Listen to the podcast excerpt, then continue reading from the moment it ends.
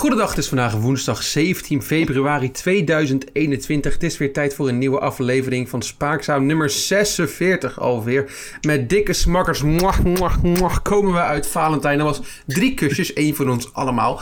De podcast waarin we hierbij praten over alle trending topics in de sportwereld. Vandaag hebben we het over Lando Norris als de leraar. Ja, Jelle geeft iedereen huiswerk mee. Goh, wat. Ik heb nu al in deze podcast. Ja, hè? Werk toen ervoor ook. En het geldgebrek van Barney. Zeker. Dramatisch, maar ook fantastische waterpolo'ers. En kijken we of Van der Poel doping gebruikt. Luisteren.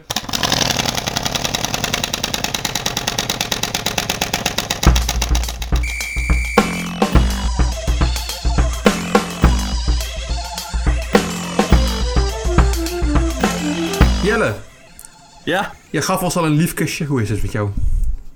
het is, eh, ja, moet ik zeggen, ja, vol liefde. Ik voel me helemaal warm van binnen. Wauw. Jij? Ik, ehm ik, mijn wang, ja, de luisteraars kunnen het natuurlijk niet zien, maar mijn wangetjes zijn een beetje rood. Ik, ehm, Ah, ik zie het, ja. Ja, mijn plukjes haar die gaan weer eh, omhoog staan, zie ik ook. Mijn geblondeerde plukjes haar. goh, en nou is het met Freek. Supergoed. Fijn om te horen, Fijn met ons horen. allemaal. Omdat het allemaal zo goed gaat. Leuke Valentijnsdag gehad. Ja, zeker, ja. ja. Nog iets eh, specifieks gedaan. En mijn vinger Bloemen gesneden. of zo. Ik heb in mijn vinger gesneden. Oké, ja, dat is, Ja. ja. dat kan. En jij, iets leuks gedaan nog? Helemaal niks, nee. Oh. Nee, ik ben even aan het nadenken. Heb ik wat gedaan? Volgens mij niet. Nee, Jij hebt Nee. natuurlijk hard gewerkt aan een nieuwe Spaakzaam aflevering. ik heb natuurlijk hard gewerkt aan een... Ja, ja. Zullen we beginnen? Ik, eh, ik wil beginnen. Ja, jij mag beginnen. Ik, wil, Ik mag beginnen, ja. beginnen, Ik, jij ehm, begint. Ja, het is eh, misschien wel het, waar we ook mee begonnen. Vorig jaar. Volgende week eh, hebben we het daar natuurlijk meer over. Dan is het echt een jaar geleden. Maar we begonnen natuurlijk met de nieuwe auto's uit de Formule 1. Het modegedeelte uit onze podcast. Het, Ja, het verzorgende gevoel waar we zo dol op zijn. En eh nou, langzamerhand beginnen de eerste nieuwe auto's alweer binnen te druppelen. McLaren is gisteren aangekondigd. Is er een van. Williams ga jij nog heel even kort, vooral kort, over hebben. Maar eh, nou, ik dacht laten we dan bij de eerste van de eerste beginnen. En dat is McLaren. En dat combineer ik met een tegenspraak. En dan kom je uit op het volgende verhaal. Namelijk het verhaal van Dell en McLaren. Daar gaan we. Nieuwe auto, ja, ik, heb, ik dacht, ja, je kunt heel leuk over de nieuwe dingen gaan hebben. Maar het heeft eigenlijk alleen een nieuwe koeling. Eh, voor die Mercedes motor, de wielbasis iets verlengd en er is een andere wielophanging. Voor de rest lijkt die heel erg hetzelfde. Ja. Eens, toch? ja het pakt praktisch helemaal hetzelfde. Dus eh, Ja, nieuw neusje, maar dat had hij eigenlijk al vanaf de halverwege Mugello. Volgens mij begonnen ze daar al mee. Dezelfde kleuren, niet heel spannend. Eh, dus ik dacht, laat ik gewoon een leuke sponsor erbij pakken. En laat het dan ook nog een keer een, een tech-sponsor zijn. Dat is Dell, een Amerikaanse computerfabrikant. Gevestigd in Round Rock, Texas. Vond ik wel een leuke naam. Round Rock. Ook. Backlit. Moeten we misschien een keer heen, Round Rock in Texas. Ehm, het is volgens mij de derde computerfabrikant qua laptops ter wereld. Het kan ook de tweede zijn. Een van die twee, na, na HP en Lenovo, Lenovo. Wat Ferrari sponsort. Hè. Dus toch even een stapje, stapje lager. En HP sponsort natuurlijk Mercedes. Goh, Dus dan is Dell... Dus daarom mijn voorspelling, McLaren wordt derde dit jaar. zo. Is logisch, hè? Ja, ik zet het Snap je die opbouw? Ja, ja. Nee, ik snap. Ja, nee, nee, dat was hem gewoon. En eh, ze noemen zelf de samenwerking, Dell noemt de samenwerking met McLaren Survival of the Fittest. Fastest. Och, Heel- grappig. Heel origineel. En als officiële technologiepartner eh, van McLaren Formule 1 levert Dell hardware en software en zorgt ook voor de infrastructuur hieromheen. En zo ondersteunen ze de dagelijkse tech-activiteiten. En dan eh, moet je onder andere denken aan eh, ondersteuning van het ontwerp- en productieprogramma's, het eh, beheren en analyseren van de baanactiviteiten van de auto's. Dat doet Dell ook met de software die ze hebben. Zorgen voor de opslag, cloud-activiteiten en ze leveren samen met Logitech leuk voor ons, Jannie, een groot deel van de apparatuur van het e-sport programma van Oh. McLaren. Ja, dat is leuk voor ons. Wij zijn echt natuurlijk grote e-sporters, de dus. Nou, nu zit ik rondom mijn eh, game dingen te kijken en mijn speakers zijn ook van Logitech, dus misschien kan ik ooit ook wel die stap maken naar de McLaren. Ja, dan ben jij dichter bij die stap, want ik ben even aan het kijken of ik iets van Logitech... Nou, nee, dat is niet waar. Kijk eens naar mijn muis. Wat is een Logitech Maar ja, nou, Logitech muis, ik heb niks van Dell trouwens. Dat is dan... Eh, ik, ehm, nee, ik heb ook niks van Dell. Ik heb een Asus computer, een Acer eh, monitor, maar geen, eh, nee, niks van Dell. Ja, ik heb wel Lenovo. Ja, zie ik hier. Lenovo. Dus, en dan zie ik ook nog Acer, wat ook Ferrari sponsort misschien moet op. Nou, nou, ik trouwens Dell heel wat anders. Hè. Ik, vond, ik dacht altijd dat dat logootje van Dell, dat dat het politielogootje erin zat. Maar het is gewoon een E omgedraaid. Maar dat zag ik pas dit, deze keer dat ik er naar onderzoek ging doen. Gek, hè? Dan moet ik eens even kijken naar het Dell logo, want die ken ik niet per Ik se. even het eh, Dell logo. Ik- het, li- als je gewoon even snel kijkt, lijkt het net op dat, op dat branddingetje van de politie. Snap je wat ik bedoel? Ja, maar dat je dat eerst ziet en dat niet, je ziet er gewoon Ja. meteen dat een E is, of... Nee, dat heb ik dus echt serieus pas sinds gisteren gezien. Dat is toch wonderbaarlijk? Super interessant ook om dat te melden, maar Ja, heb ik echt pas... ja luisteraars, google allemaal even Dell eh, en kijk Ja. er zelf naar en maak een oordeel. Ehm Oordeel. En beleef mijn mindblow experience. Dat, dat merk je misschien wel. Ja. Maar waar ik nou echt het nieuwste van het nieuwste wat Dell en McLaren hebben gedaan, dat is het opzetten van een McLaren Substitute Teacher. En wat zijn dit, vragen jullie je af. Nou, dit zijn lessen waarin eh, McLaren in samenwerking met Dell je meer leert over de Formule 1 op een leuke, uitdagende en creatieve manier. Al dus McLaren en Dell. Interactief. En eh, interactief. Experience. Experience. Heerlijk. Authentiek. Oh nee, wacht. Dat is wat anders. Ehm, maar wat dacht ik? Ik ga zo'n les volgen. Geheel gratis is het ook, hè? dat vind ik Hmm. belangrijk. En, ehm, en ik heb een les gevolgd over het eten van een Formule 1 coureur. En hoe, dat, hoe dat in zijn werking gaat. Wat mogen ze eten, wat mogen ze niet eten. Super interessant. Ehm, met leraar Lendo en zijn trainer John Malvern. En eh, ik heb onder andere geleerd over vetten en suikers. En dat deze belangrijk zijn voor het fysieke en mentale werk voor de Formule 1 eh, coureurs. En eh, dit heeft Lando ook gedemonstreerd. Doet hij helemaal leuk. Hij wijst bijvoorbeeld naar brood, rijst en pasta, bananen, chocola. En dan zegt hij dat daar hè, veel vetten en suikers in zitten. En dan zegt hij dat hij chocola heel leuk vindt. En dan gaat zijn trainer daarna lachen. Ja, leuk. ja, nou, enfin, de conclusie was dat een Formule 1 coureur, dat is wel een leuk feitje, 800 calorieën per uur verbrandt. In een race bedoel je? Ja, nee, ja, in een race. Ja, Ja, tuurlijk. Ja, niet, elke, niet ja, elke dag, elke uur. Lijkt me een zwaar leven Nee. als je dan inderdaad... eh, Nee, dat is waar. In een, en een normaal mens doet rond de 1500 per dag. ja. Maar wij zijn Dus geen normale mensen. Wij Formule 1 Wij zijn normale mensen. Nee, we verbruiken veel meer. En eh, er was nog een les eh, over, eh, of een les, een gedeelte in die les over proteïne. Dat het onder andere helpt bij het herstellen en het opbouwen van spieren. En het helpt bij groeien. Ik dacht, vinden jullie wel leuk? Ha, ha, ha, helpt bij groeien. En de les hieruit was uiteindelijk dat Lendo voor de race veel pasta en fraps met kip eet. Komt jouw dieet een beetje overeen met dat van de Formule 1 coureur Jelle? Nou, die suikers wel. Ja, ja. Die vetten ook. En die proteïne ga ik geen antwoord op geven. Want dan krijg ik een sneer van jullie, dus dat ga ik niet doen. Nou, dan, nou, oké, dat, dat hoeft niet. Dat Maar ik eet ook wel gewoon vlees. Ik eet ook wel gewoon vlees. Zeker, hij eet volgens mij genoeg proteïne, denk ik. Ja, alleen de groentetjes ontbreken natuurlijk een beetje. Ja, en dat zie je. Ja? Zie oh. Ja, en in de resultaten. Als jij die groentes eet, dan ben jij denk ik over een maandje... in, ieder geval, Ja. in ieder geval karter, denk ik. Ja, denk je dat? Ja? Ik denk dat we voor jou eh, een kartcarrière moeten beginnen. Nou, zal ik, dan, zal ik dan deze maand gewoon groente eten en dan volgende maand terugkomen op, dit, eh, op deze uitspraak? Ja, dat, dat lijkt me een goed idee en ik hou je eraan. Oké, dat is goed. Korte nieuws. Ja, eh, waar Vettel zich aan houdt, is niet aan zijn Ferrari. Heel geweldig brugje dit. Eh, Vettel die gaat een peperdure Ferrari bij het grof vuil zetten, zoals Racing News eh, 365 zegt. Ehm, volgens mij zit er iets meer nuance in, eh, in wat er echt gaat gebeuren. Volgens mij verkoopt hij ze gewoon. Eh, ja, hij gaat negen fantastische wagens eh, te koop zetten, waaronder meerdere Ferraris en Mercedes'en. Vettel denkt natuurlijk ook, ik heb alleen maar Aston Martins nodig nu. Ja. Maar is dan de vraag, hè, staat hij op marktplaats tegen elk aannemelijk bod? Bieden vanaf een bepaalde prijs? Heb jij daar onderzoek naar gedaan? Of? Eh, nou ja, ik, ik, ik, ik, ik, ik wil niet depressief worden, dus een, eh, nee, ik heb niet onderzoek gedaan naar hoe duur die dingen zijn. Maar maakt wel kans, denk je? Oh, nou, ik zie nu hier even snel dat de gele Ferrari 2016 F12 Tour de France, denk ik misschien. TDF, wat grappig. Eh 830.000 euro kost. Doorsparen. Oké, ehm, over wat niet zoveel geld kost, is eh, de Ronde van Vlaanderen. En, eh, nou, misschien eigenlijk wel. Want ze mogen weer geen publiek toelaten, dus weer geen inkomsten. Pot voor Jan die dubbeltjes. Ja, het is sowieso tot en met de Ronde van Vlaanderen dat er geen eh, publiek eh, mag komen. Dat betekent dus ook dat de klassiekers daarvoor in Vlaanderen ook geen publiek mogen komen. Of ze raden het in ieder geval af. Als je in Nederland iets afraadt, luister er alsnog niet naar. Misschien in België werkt dat anders, dat weet ik niet. Maar eh, nou, in principe geen publiek. Terwijl er tijdens de vorige Ronde van Vlaanderen trouwens wel publiek was. Dus Belgen luisteren ook niet altijd naar. Maar toch, jammer. Ja, maar ik, toen ik vorig jaar in ieder geval de, de Ronde van Vlaanderen keek, miste ik het publiek niet bepaald heel erg. Of zo. Nee?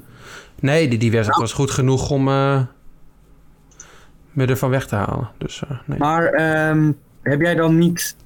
Jij hebt zo genoten van die virtuele editie, toch? Van de Ronde van Vlaanderen. Dat eh, hoop ik. Ik hoop dat ze, dat ze dat niet nog een keer gaan doen. Dus moet ik weer gaan depressief op de bank gaan zitten. En denk echt als ik terugkijk naar, naar, de afgelopen... Die, dat was echt de eerste lockdown was dat nog. Ja. En dan waren- was nog niet eens heel lang onderweg. Maar toen was die virtuele GP of was het geen virtuele, echt virtuele Grand Prix. Vond ik nog wel leuk. Maar die virtuele Ronde van Vlaanderen of wat was het? Nee, dat was eh, echt een van mijn dieptepunten. Ik zat op die bank te kijken dat ik denk... Oh, wat is dit allemaal voor onzin? Ja. Waarom doen we dit? Wat is dit? Ja. Het is echt zo kut. Toen dacht ik, oh, dit gaat nog heel lang duren. ja, dat was ook zo. En dat was ook zo. Ja. Wat ook lang gaat duren, Jannie, Hm. is een rondje van Williams. Dat weten we helemaal niet. Misschien Nee. zijn ze dit jaar wel fantastisch. ja, Dream On. Nou, we kunnen in ieder geval binnenkort gaan kijken of die auto er een beetje lekker uit gaat zien. Want eh, ja, wat is het ook weer? De vijfde van maart gaan we launchen bij Williams. Dat is de tweede, denk ik, auto die er helemaal uitkomt. Eh, nee, volgens mij komen er eerst nog... Ja, god, er was een... Nee, er komen nog twee auto's. Alfa Romeo komt volgens mij Oh, eerst oké. En Alfa Tauri, volgens mij. Nou, ik weet het niet precies. Ik, ik zeg De maar wat. Williams, eh, Ah, die, die gaan... komen er nog twee. Die hebben onlangs eh, 100 kilometer gereden eh, tijdens twee filmdagen. En dat ging volgens het team, zei wat ze zeiden, zonder problemen. De- Deze met Roy weer? Eh, nou, dat, dat, dat, dat weet ik niet. Wat ik wel kan vinden is dat ze een filmpje geplaatst hebben op social media... waarbij Nicolas Latifi, of Latifi... eh, hoe het netjes, uitspreekt. ja, net hoe het uitspreekt. eh, over, over de pitlane aan het kijken was. Naar, wie weet, misschien George Russell, misschien Roy. Terwijl ze over Silverstone rachten. Ik keek even naar de snelheid van die auto als ik zelf kon meten... en hij ging heel hard. Oké, ja, fijn. Heel duidelijk. Oké, ja, wie ook eh, heel hard ging, hè? Ja. Ja, het- ja, nou, ik heb even... Ik begin even met Ilse de Lange. Die, beschrijft het nou, die heeft het namelijk al eerder beschreven in een nummer van haar. En dat, eh, zij omschrijft het als volgt. A miracle looking in my life. A miracle showing me all these faces. A miracle looking in my life. After all, a miracle looking in my life. Liverpool heeft gewonnen. nou, het is toch ongelooflijk. 2-0 van Leipzig. Ja, ik heb er eh, niks van gezien. Ik heb natuurlijk wel eh, nou, eh, Jarni gevolgd eh, in het verhaal. En die zei dat het redelijk terecht was, maar ook wel een beetje gezwijnd, Liverpool. Maar Ja. nou, ze hebben weer eens een keer een partijtje gewonnen. Dat is fijn voor, voor Jurgen. Ja, vooral in de Champions League het enige wat dag nog over is eigenlijk. Dus ja. Ja, want de rest is een beetje vervlogen, hè? Ja, daar hebben we ook nog een miracle nodig. Dus misschien... eh, Maar, heb je, ja. maar ja, zoals, mm, zoals hoe heet ze, Ilse ook zegt... I've been living underneath my skin. Everything I felt, I keep it in. Je weet het nooit. Oké, ja, we beginnen in de sneeuw en de snee. Eh, eh, ja, want het WK skiën was zeker aan de gang. We hebben het allemaal heel erg gevolgd, uiteraard. Zeker. Ja. Ja, ja, de- Ja. er won onder andere een Oostenrijker, een Zwitser. Kan allemaal heel veel artikels daarover vinden namelijk. Maar Noorwegen... hebben en een, en een IJslander en een Antarcticaan en een... Noem het allemaal maar op. Ze waren allemaal top. Spanning, sensatie, alles erop en eraan. Maar wie won er dan de landenwedstrijd, Jelle? Dat is natuurlijk de vraag die wij ons allemaal afvragen. Noorwegen. Goh, wat zit er helemaal bij. Ja? hebben- ja, zeker. Ze hebben Zweden in de finale, de, de, de baas, eh, ja, ze hebben, ze, ze hebben ze even onderuit getrapt tijdens het skiën. Nee, ze hebben gewoon netjes gewonnen. Eh, de wedstrijd bestond uit vier runs op de parallel reuzenslalom. Ja, de parallel reuzenslalom. Ja. Twee Oh runs door de rode poortjes en twee door de blauwe. Ja, ja. ja. Eh, ja, en ze, ja, ze wonnen. Het was een spannende wedstrijd. De brons ging naar Duitsland. En, eh, want die wonnen namelijk van de uitredend wereldkampioen Zwitserland. Die me dan wel een beetje teleurstelde. Ja, ja, dat is- Ja, wat, jeetje, wat is daar gebeurd? Zo, Ja. nou, dat onderzoeken we nog. hè. Nou, om eh, hier parallel op te lopen, hebben we het eh, ja, over, ehm over rolstoeltennisser De Groot. Oh ja. En eh, zij heeft namelijk de finale van de Australian Open gewonnen. Ze heeft gewonnen van de Japanse Yuki. Nee, zeg ik opnieuw. Yui. Zonder K. Yui Kamichi. Of Kamijay. Of Kamijai. In eh, drie sets. Heeft er dus ook eentje verloren. 6-3. Toen verloren ze daarna de, tijd, eh, de tiebreak in, eh, met 6-7. En verloor de tiebreak met 7-4. En uiteindelijk won ze ook de laatste in de tiebreak. Maar dan voor haar met 7, 6-7-4 in de tiebreak. En daarmee maakt ze Kiki jaloers. We weten allemaal nog wel tafereel van Kiki vorig jaar dat ze werd afgevoerd in een rolstoel omdat ze kramp had. Dus misschien een carrière switch voor Kiki in het rolstoeltennis om daar wel iets meer te bereiken. Jarni. Ja, ehm, nou ja. ehm, wat je ook misschien wel in een rolschool zou kunnen doen is eh, naar beneden skiën. Ehm, dus misschien heeft Kiki daar ook wel een, eh, een rol in. Maar ik ga weer terug aan het skiën, mijn favoriete sport, Jelle. Ja. jij kent haar, eh, Marta Basino. Is zij, is zij die goeie? Dat zou je wel kunnen zeggen, maar misschien echt wel even goed als Catharina Linsberger uit Oostenrijk. Oh, vertel. Zij- Echt, nee, dat kan. ja, ja, nou, ik denk dat Liesberger net even die ervaring heeft die Bassino niet heeft. Nee, Maar- nee, nee, ze gingen allemaal even hard, joh. Even snel naar beneden. En dus zijn ze co-wereldkampioenen. Dat zou ik niet willen. Precies hetzelfde. Precies hetzelfde. Er stond 0.00 om de klok. En nobody knew what was going on. Linsberger said. Jeetje, maar ze kunnen toch wel ook duizendste meten. Nee, dat is te geavanceerd voor het skiën. Oké, dat is geavanceerd. Wat ook eh, te geavanceerd is, is het, eh, het eh, polo in waterpolo. Slaat nergens op. Maar zou ik eerst het goede nieuws of het slechte nieuws brengen? Mooi bruggetje. Doe maar het slechte nieuws eerst. Ja, ehm, Nederland heeft verloren Hmm. tegen Kroatië met 25-8. Maar we weten allemaal dat Kroatië een topteam is. Dat was inderdaad de topfavoriet in het Olympisch kwalificatietoernooi. Jannie, dat is waar. Ja. Dus eh, ja, Oranje stond er niet goed voor, dus ze moesten wel hun tweede wedstrijd winnen. Ehm, en het is het goede nieuws, dat deden ze ook. Ze wonnen met eh 9-8 van Roemenië. Spannende wedstrijd. Eh, de bal ging heen en weer. Balbezit was voor Roemenië de eerste helft beter. De tweede helft was zeg maar het samenspel van Nederland beter. Ja. Vooral de onderwaterfases van Nederland waren iets sterker. En dat merkte je ook in die laatste paar minuten dat, ja, dat Nederland gewoon beter was. En daardoor eh, scoorde. En eh, wonnen ze nipt met eh 9-8. Gewoon een eh, vraagje voor de kenner, Jo. Eh, mag je in waterpolo de bal vasthouden, onder water zwemmen en het doel inzwemmen? Nee, Waarom, waarom niet? dat is tegen de regels. wat flauw. Eh, wat, wat, ja, wat, wat volgens onze... Weet je, ja, ja, nee. Een andere, ik ga een andere brug maken, want ik kan hier geen bruggetje voor bedenken. Andere sport met een bal. Eh, tennis. Ja, eh, daar gaat de bal iets harder. Eh, zitten ze ook niet onder water, maar boven water. En daar is eh, ja, de, de grote fa- favoriet... eh, ja, favoriet, ik weet niet of hij nog eens een favoriet is, maar Rafael Nadal.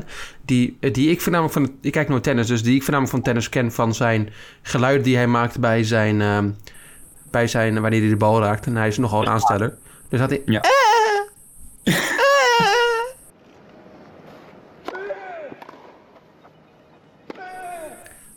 Terwijl je bij sommige tennissers... Ja, ik, ik denk soms dat ik vrouwentennis aan het kijken ben bij die man. Maar dat dacht onze grote vriend Stefanos... Stefanos Tsitsipas. Tsitsipas. Tsitsipas. En eh, ja, die versloeg hem in een vijf-set thriller... to reach the Ja. Australian Open semifinal. Ja, ik kijk het niet, dus ik heb geen idee hoe spannend het was. Maar Ja, ik heb het gezien hoor. Ja, Ja? Ik, heb, eh, ja, ik, heb een, eh, ja, ik ben geen fan van Nadal. Vooral van zijn dwangneuroses en zijn irritante gedoe. Waar hij trouwens ook een middelvinger van kreeg. Voor een dronken vrouw op de dat tribune. zag ik. In- Dat heb ik wel in de gezien. Ja, eerdere ja, ja. Dat vond ik leuk. Ja, vond ik leuk. Maar ehm, ja, hij, hij stond 2-0 voor. En heel weinig spelers hebben van Nadal gewonnen terwijl ze 2-0 achter stonden. Maar uiteindelijk doet Tsitsipas het toch. Hij werd gewoon beter. Nadal werd minder. Ging ook een beetje klagen over zichzelf. En dat doet hij altijd. Hij vindt altijd wel wat om dan de wedstrijd te kantelen. Of hij heeft een pijntje hier. Of hij heeft een dingetje daar. Maar dit keer eh, was dat allemaal niet genoeg. En eh, maakt het Tsitsipas het eh, terecht af. Dus die gaat door naar de halve finale waarin die speelt tegen Medvedev. En de andere halve finale is Djokovic tegen een of andere nieuwe talent. Wat nog nooit echt wat bereikt heeft. Dus dat wint Djokovic makkelijk. En dan gaan we zien hoe het, hoe het verder verloopt. Nee, ik ben benieuwd.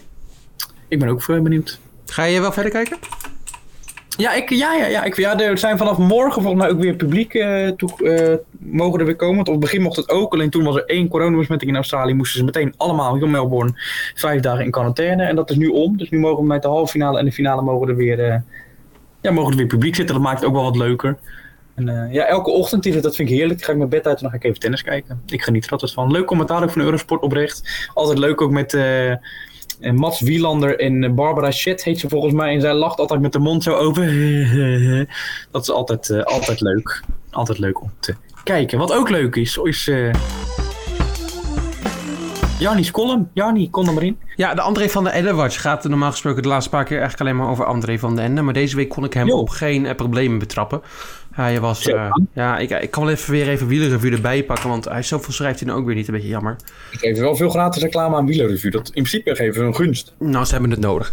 Eh, dus ja, de laatste echt wat hij schreef was... eh, ja, hij had nog een keertje iets geschreven over het programma van Dylan Groenewegen. Dat hij het ja, een topsprinter onwaardig vond. Ja, Dylan Groenewegen is geschorst geweest. Ik weet niet wat zit te piepen, maar dus, daar ging ik niet al te veel over in. Weet je, dat vond ik zo'n artikel waar ik denk... Jezus, stel je niet zo aan. Ehm, ja, en eh, hij had, zijn laatste artikel gaat over dat, eh, dat iedereen ijspret had... en hij een Mont Ventoux pret had. Ik, ik, ja... Weet je, het zijn allemaal van die laag, laaghangende... eh, ja, ik hoef niet echt mijn best voor te doen bij André. Dat me even eerlijk zijn. dus ben ik verder gaan kijken en toen moest ik dus nadenken aan iets dat ik vorig jaar meerdere keren had gezien. Dat is de Sportza-spion in het peloton. Eh, dan hebben ze dus zogenaamd iemand in het peloton rijden die hun informatie geeft over de, de machtsverhoudingen, de krachten die iedereen hebben daar in het peloton. En wie, wie maakt de beste indruk? Ehm, moet ik één wielrenner noemen die het eerst in me opkomt? Ja, Die ik een goede indruk vind geven? Ja. Ehm, nou, als ik echt vind dat ik denk de volgende toerwinnaar, Dylan Teuns. Nou, dat- dat, dan ben jij misschien wel de spion in het peloton. Wat? Hè? Ja, want de laatste spion in het peloton had hij het... Had, had de, sp- om eerlijk te zijn, de spion het voornamelijk over Niels Pollitt. Maar toch kwam Dylan Teuns weer voorbij als een... Ja, iemand die, die grote kans zou maken in de Ardennen-klassiekers. Of in de Voorhefklassiekers ook. Ook gewoon allebei. En toen denk ik, nou ja, Dylan Teuns... Zou, heeft hij dan echt zo goed gereden? Dat viel ook alweer mee. Hij eh, werd laatst op een bergetappe op twee minuten gezet... terwijl andere Ardennen-specialist Jack Hake op eh 50 seconden werd gezet. Bestaat die dan opeens niet meer? Eh, nou ja, goed. Eh, en ja, als ik dan terugkijk, eh, zoek ik meerdere keren speel in het peloton op en kom ik toch altijd wel weer Dylan Teuns tegen. Ehm, ja, ik heb het gevoel dat ik de spion in het peloton maar even ga opmaskeren. Het is Dylan Teuns zelf. Want hij, hij is de- dus de enige die zo lovend over die man zelf schrijft. Het enige wat Dylan Teu- Teuns ooit aan interessant heeft gedaan trouwens, is dat hij op zijn grasmaaier is gevallen met zijn gezicht en daardoor geblesseerd was geraakt. Dus ja. Oh. Auw. Ja, hoe krijg je het voor elkaar is de vraag, die, eh, dat vroeg ik me ook af. Ja, dat is inderdaad wel... eh, Ja, dus, dus niet, niet altijd inte- intelligent en zo hard kan hij nou ook weer niet echt fietsen. Eh, maar iemand, ja, ik ga maar gewoon door, want ik, eh, ik, ik merk dat ik boos word. En dat moet ik niet, eh, moet ja, dat-. Ja, maar ik, ik ga maar door naar mijn, mijn echte, de, de, meat, de meat of de podcast eh, van mijn eh, stuk deze week. En dat is eh, Van der Poel. We gingen natuurlijk kijken of Van der Poel doping zou gebruiken. Ja. En dan bedoel ik natuurlijk Niels van der Poel. Ja, ik Ja. heb hem niet. Ja. Uh, Jullie dachten natuurlijk allemaal eens Mathieu of David. Ja, David gebruikt heel veel doping natuurlijk. Dat, dat En, kan eh, niet anders. Het kan niet anders. Het zijn eh, geweldige resultaten. Eh, maar ja, ik wil het hebben over Niels van der Poel. Want deze week was mijn favoriete sport weer aan de gang. Het WK schaatsen. Nou, Nou, ik heb gekeken weer. hoor. Ik geniet ervan. ja, vond je het, eh, vond je het fijne, fijne tv? Ik vind het altijd... Ja, ik vind, ja, ik, ja, als ik er voor thuis zou kunnen blijven, dan blijf ik er voor thuis. Heerlijk vind ik het. Ja. Ja, ik vind er niks aan. Maar, Ja. eh, maar ik, heb wel een beetje, ik heb het wel een beetje gevolgd. Want het was eigenlijk niet om, om, om ja, was eigenlijk niet, niet te missen een stukje. Namelijk dat van Niels van der Poel. Want elke media had het erover. Dus ik dacht, laten we eens even Ja. bekijken. Wie is Niels van der Poel? Wat gaan ze goed op die jongen tegenwoordig zeggen? Ja. Ik er echt goed van. Ik ga een beetje omschrijven waarom, ik, eh, ja, waarom dat zo is.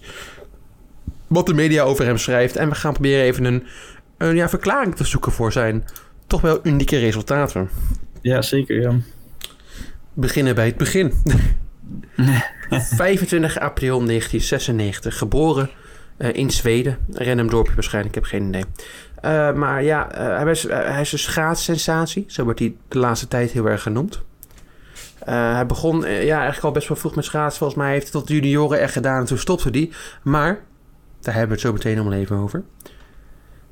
Ik eh, googelde zijn naam, Niels van der Poel. En toen dacht ik, nou, wie, wie, wie zal er allemaal over hem geschreven hebben? De Ja. Volkskrant, het AD. En toen kwam ik uit met mijn favoriete artikel. Dat namelijk van het Parool, wat heel lovend over hem schreef. Ja. Dus ik dacht, wat, wat, wat, wat voor verhalen gebruiken ze hem om die jongen nou eh, eh, ja, goed te omschrijven? Nou, het eerste verhaal is dat hij zijn wekker was vergeten te zetten. Ja, oh ja. Dat heeft hij ook honderd keer herhaald. En dat heel de NOS ook met, eh, hoe heet die, eh, Bert. Die ik trouwens wel leuk vind hoor, Bert. Geniale verslaggever. Maar... En dan gaat hij helemaal stoeren. Ja, ik ben de- dit vergeten en nog heb ik het goed gedaan. En ik, wat zit je nou popiopie te doen? Ja, nou, hij had dus per ongeluk op snoes gedrukt. Dat moet je niet doen, zei hij met een knipoog. Iemand anders had hem wakker gemaakt. eh, ja. Ander verhaal. Ehm, volgens interviews namelijk zei hij dat hij ja, er nooit aan getwijfeld had dat hij wel het wereldrecord zou rijden. Ja. Nou, ander verhaal wat ik daarvan vond, is dat hij, eh, wat hij zei, is dat hij met volle, volle zelfvertrouwen de dag zat, maar de dag daarna bloednerveus voor de spiegel zat. Want wat als het niet zou lukken? Dus ging hij maar excuses oefenen voor de spiegel. Wat hij dan tegen de media zou kunnen zeggen als het fout zou gaan. Dus dat hij Ja. er altijd in gelooft, dat is ook niet helemaal waar. Ehm, ja, maar wat, wat, wat, ja, wat het parool voornamelijk interessant vond, is dat hij het leger inging. eh voor een paar Ja, jaar. dus, ja. ja, twee jaar. Ja. Want dan konden ze namelijk eh, het volgende, de headline gebruiken. Niels van der Poel is een militair met een ontwapenend verhaal. Bah, bah, bah. Nou, ik weet, hij, is, hij heeft meegedaan aan het WK Allround in Ja. eh, Amsterdam toen. En toen is hij, daarna is hij twee jaar gestopt met schaatsen. Gewoon helemaal eruit geweest en is hij inderdaad in het leger gegaan. Nou, ik had inderdaad net achter dit stuk heb ik staan, bah. Dus je hebt eh, pas een beetje Ja. daarover. Maar ja, Van der Poel kwam de laatste paar weken voor de echte schaatskenner misschien niet echt uit het niets, maar ik had nog nooit eerder van hem gehoord. Eh, schaatsen is een door Nederland gedomineerde sport, dus ik verwachtte eh, dat als ik de tv aan zou zetten, dat ik oranje pakjes eh, over het ijs zag vliegen en dan aan het einde tien keer naar het Wilhelmus mocht luisteren. Maar helaas, dit gebeurde op de lange wedstrijden niet. Hij, op het WK van de 5 kilometer zette Niels van der Poel een 6.08.39 neer. Dat is een nationaal record voor Zweden. Ja. En hij werd wereldkampioen. En op de Ja. 10 kilometer zette hij een 12.32.95 neer. Dat is een wereldrecord. Op een laaglandbaan. Op en een ook op een. Ja, Maar dat, daar kom ik nog. Ho, ho, ho. Daar kom ik nog. Oh, sorry, sorry. sorry. Spijt me. Want Sorry. we willen ons natuurlijk allemaal afvragen hoe Niels aan die tijden komt. Hè? Jij deed het al. Komt, hoe komt hij toch aan die tijden? Dankjewel. Nou, volgens Niels zelf doet hij dat op een unieke manier. Zijn grootste concurrent Patrick Roest. Dat is ook geen goede naam voor een schaatser, want die schaatsen moeten helemaal niet roesten. Eh, die neemt, zoals elke topsporter na een toernooi, ja, gewoon rust. Gaat even de spieren laten herstellen. Normale praktijken voor een topsporter. En gaat daarna... Hij neemt roest, precies. En gaat daarna een netjes trainingsschema afwerken... wat speciaal voor hem gemaakt is. Nou, Niels zegt dat hij gewoon lekker doorgaat na een toernooi. Ho, geen rust. Hij heeft ook geen team en dus geen eigen programma. Hij doet lekker waar hij zelf zin in heeft. Maar hij heeft wel een coach. En dat probeert hij een beetje te vermijden soms. Want volgens hemzelf traint hij op 95% van de tijd alleen. En 5% met zijn coach Johan Rullier. ja, nou, hoe traint, hoe traint Niels dan wel? Op gevoel, namelijk, zo zegt hij zelf. Voornamelijk En hardlopen. Ja, met lange afstand lopen. Eh, soms loopt hij zelfs wel 2,5 marathons per training. Ja, en hij is ook ultra-marathonloper, hè? 170 kilometer achter elkaar. En liep hij aan de wedstrijden mee van boven de 100 mijl. Mijn verhaal wordt voor me verteld. Dat is wel heel fijn. Ik ga niet zeggen. Ik zeg niet, sorry. Eh, de motivatie om deze wedstrijden eh, te lopen, zei hij dat hij telkens vond in zijn eigen hoofd. Hij zou pas stoppen als hij dood zou zijn. Echt een doorzetter. Maar ja, waarom zou je dan een coach nemen als je de helft van de tijd alleen sport, dacht ik nog. Of, sorry, 95% van de tijd. Want die coach, ik lijkt me niet alsof die man voor niks zijn werk doet. Die betaal je. En eh, ja, hij woont bij zijn ouders, dus hij zal het ook zelf niet betalen. Dus er zou wel een reden zijn waarom ze die coach hebben. Nou, die coach is Johan Lullier, zoals ik al zei. Ook een Zweeds oudschaatser nooit echt heel veel eh, bereikt volgens mij. Dus waarom zou je die dan hebben? Nou, zijn coach Jelle was Johan Granat. Oh. En Johan Granat die is één keer in de sprint, eh, of in een of andere sprintwedstrijd in het WK is hij wereldkampioen geworden. En daarna zakte het een beetje in. En toen werd hij betrapt op anabole steroïden. Wat een... Is hier een trend? Ik stel de vraag open, ik, ik speculeer niet. Ik Nee, stel het nee, vraag alleen maar. Nee, ik vind het een goede vraag. Ik denk dat we die vraag ook open, vooral open moeten laten. Dat denk ik ook. Ja. Ja, andere mensen zoeken de excuses op andere plekken, zoals de wind in Tialf. Blijkbaar stond er een windje in de rug, maar die heeft iedereen. Dus Ja. ja, ja. En trouwens, hoe kan de wind in de schaatsbaan? Ik, ik, ehm, Ja. het, gaat mij die- allemaal te ingewikkeld. Oh, oké. Nee, Eh, en de baan, ja, die eh, ligt, wat, wat zei je, de baan ligt lager of hoger dan in de andere? Lager. Lager, ja, ik snap staat niet helemaal, dus ja. Maar ja, En, en de, de luchtdruk wordt ook nog een keer heel hoog. Dus Oké. de omstandigheden oké. niet super. Dat Yes. maakt het dus zwaar om te schaatsen. Ja, dus toen ging ik op zoek naar eh, ja, hoe ik altijd de resultaten van de sporters probeer te beoordelen natuurlijk. Met een huisdier of een vriendin. Ja. Pak de Instagram, zoek Niels van der Poel. Nou, dat account staat op privé. Probeert hij ons wat te verstoppen? Ik vind het wel verdacht. Het is wel verdacht. Ik weet het niet hoor. Open laten. We laten het open laten. Ja, nee, ik, ik, heb nog een paar zinnetjes om af te, af te sluiten. Ik weet het niet hoor. Puntje, puntje, puntje. Hmm. Puntje, puntje, puntje. Vreemd. Puntje, puntje, puntje. Nadenken. Puntje, puntje, puntje. Mooi. Prachtig.